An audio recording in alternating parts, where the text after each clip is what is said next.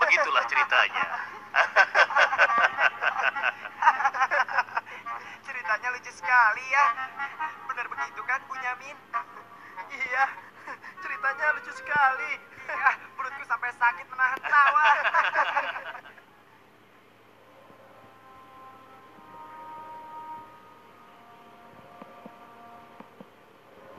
Menurutku, ayah itu pilih kasih.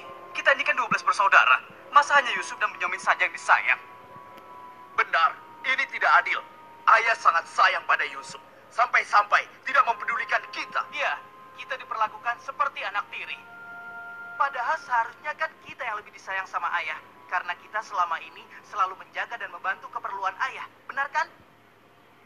Tapi aku heran, kenapa ayah begitu sayang pada mereka berdua? Terutama pada Yusuf. Aku yakin sekali. Itu pasti karena Yusuf memiliki wajah yang sangat tampan. Masalah ini harus segera diselesaikan. Sebelum ayah semakin pilih kasih. Kita harus menyingkirkan Yusuf.